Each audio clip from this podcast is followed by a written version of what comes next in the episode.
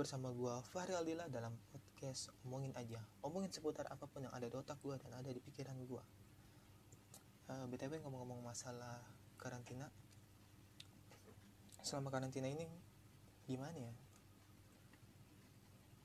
Nggak ada habisnya sih ngomongin karantina mah. Capek loh gila ngomongin karantina tuh. Udah hampir udah hampir tiga bulan dua bulan lebih kali ya gila di rumah terus bayangin. Tapi sekarang udah mulai agak rame sih ya udah mulai agak rame. Ya mungkin nih buat teman-teman gue atau sahabat-sahabat gue yang dengerin podcast gue ini di daerah rumah kalian apakah udah rame juga? Sama kayak di daerah rumah gue kebetulan dari rumah gue itu di Duri Kepa ya. Itu udah mulai rame dari gue tuh belum mulai rame banget. Sampai depan ke rumah gue tuh ada tukang lontong buah keranjang ada tukang tahu buah keranjang ada laki-laki mata keranjang. Uh, banyak lah. Pokoknya saking rame deh nah terus juga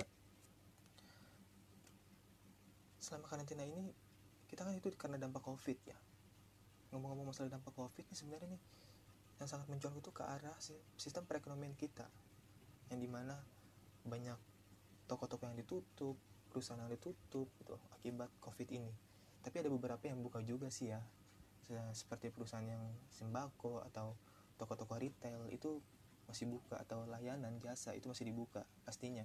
Karena itu e, masuknya tuh ke kebutuhan kebutuhan para kita ya sebagai warga negara atau para masyarakat gitu. Tapi selain ekonomi juga tuh ada.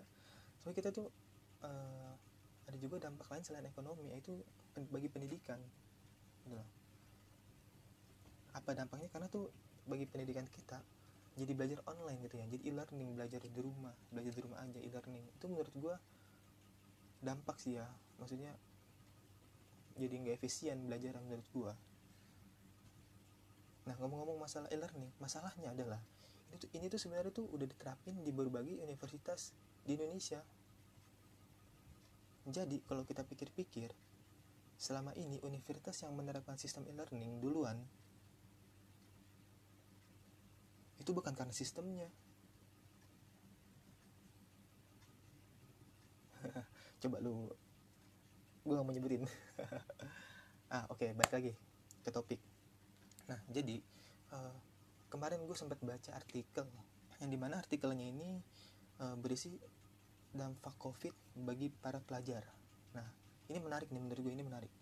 Karena di sini menurut survei KPAI dari tanggal 13 sampai tanggal 20 April tahun 2020 ini dua bulan yang lalu ya sebulan yang lalu deh sebulan yang lalu ini. Jadi tuh menurut survei KPI, KPI 1700 siswa di berbagai jenjang pendidikan. Jadi ini surveinya ini ke 1700 siswa ya di berbagai jenjang pendidikan. Ya mungkin dari dari TK, PAUD, SD, SMP, SMA, SMK di perguruan tinggi ya itu mungkin lah. Jadi di sini surveinya itu adalah sebanyak 76,7 persen itu tidak senang belajar online atau belajar di rumah. Lalu yang senangnya itu ada berapa? Nah yang senangnya ini itu cuman ada 23,3 persen. Lu bayangin. Itu dari berbagai jenjang itu tidak suka belajar nggak nggak, nggak demen belajar di rumah. Sama sih gue juga nggak demen ya belajar di rumah ya. Menurut gue nggak asik ya nggak asik ini. Di sini juga ada beberapa alasan responden.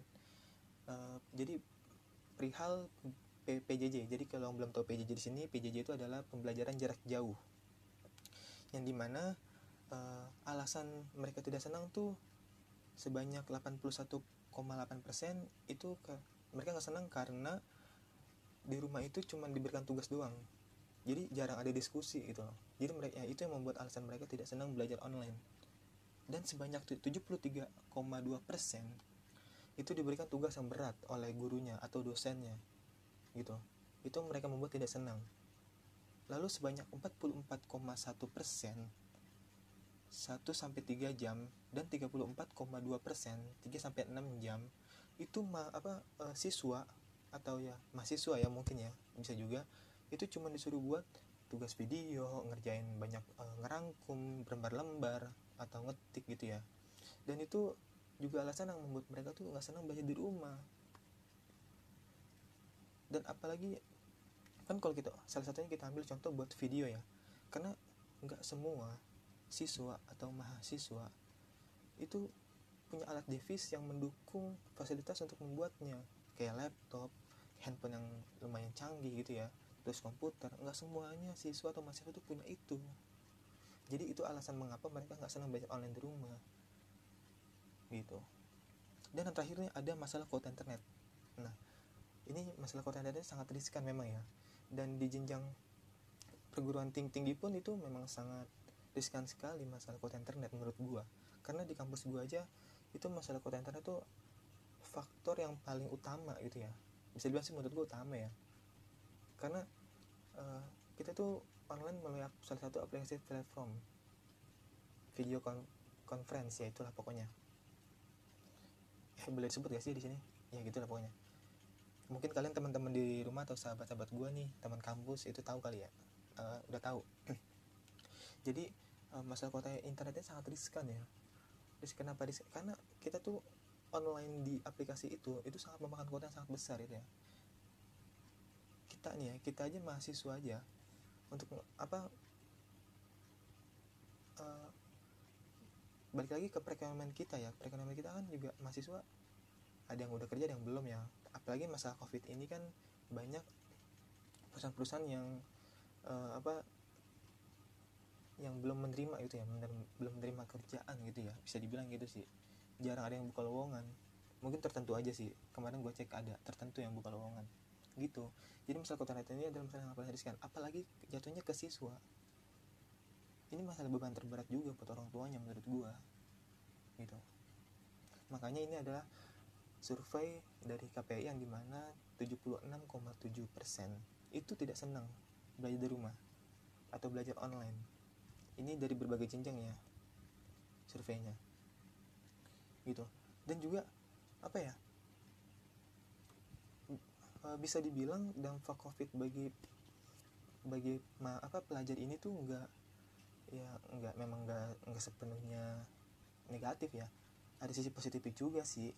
Kayak uh, misalnya di di rumah tuh anak tuh jadi belajar pendidikan karakter. Nah ini ini hal yang paling yang paling duluan ditumbuhkan sejak kita masih kecil lah. Mungkin kalian juga pernah nih teman-teman yang dengar eh, masih kecil dia, dia diajarin karakter eh, nggak uh, boleh seperti ini nggak boleh seperti itu. Nah itu jadi orang tua adalah guru pertama kita di rumah gitu ya sebelum kita masuk ke lingkungan sekolah gitu. Nah jadi itu sebenarnya ada sisi positif juga dari belajar di rumah sih yaitu pendidikan karakter. Tapi e, menurut e, Kementerian Pendidikan Budaya itu syarat kelulusan di sekolah itu di tingkat sekolah ya di jenjang sekolah itu itu ada tiga. Yang pertama itu ada sikap pengetahuan sama keterampilan gitu.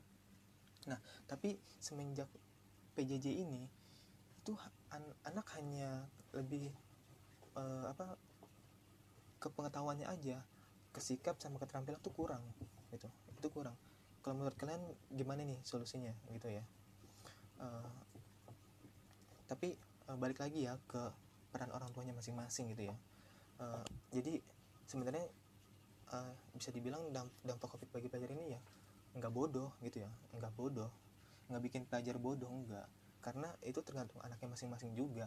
Yang punya keterampilan di bidang nyanyi atau di bidang seni uh, atau menulis itu bisa diterapkan atau diimplementasikan ketika lagi kondisi seperti ini. Jadi ya mungkin kalau bagi siswa itu tergantung peran orang tuanya juga untuk mengarahkan anaknya mau kayak mana nih. Atau menuliskah atau anaknya hobi baca puisi kah? Atau anaknya hobi nyanyi kah? Atau desain? Wah itu uh, sangat ini sekali ya. Jadi bisa bisa dibilang sebenarnya dampak itu ya nggak bodoh nggak bikin anak bodoh enggak gitu. Cuman selama selama ini uh, banyak artikel-artikel yang menyebutkan bahwasannya dampak covid ini membuat pelajar jadi bodoh gitu. Menurut gue tuh enggak ya. Tergantung anaknya masing-masing gitu. Tergantung. Jadi uh, menurut gue sih ya fan fan aja gitu ya. Nggak nggak ada nggak ada salahnya kita belajar dari rumah. Ya toh juga belajar online bukan? Oke okay, kita bahas belajar online ya. Toh juga belajar online juga sebenarnya udah diterapin kan di uh, mungkin di uh, di ranah universitas ya belum belum di ranah sekolah dasar sampai sekolah menengah.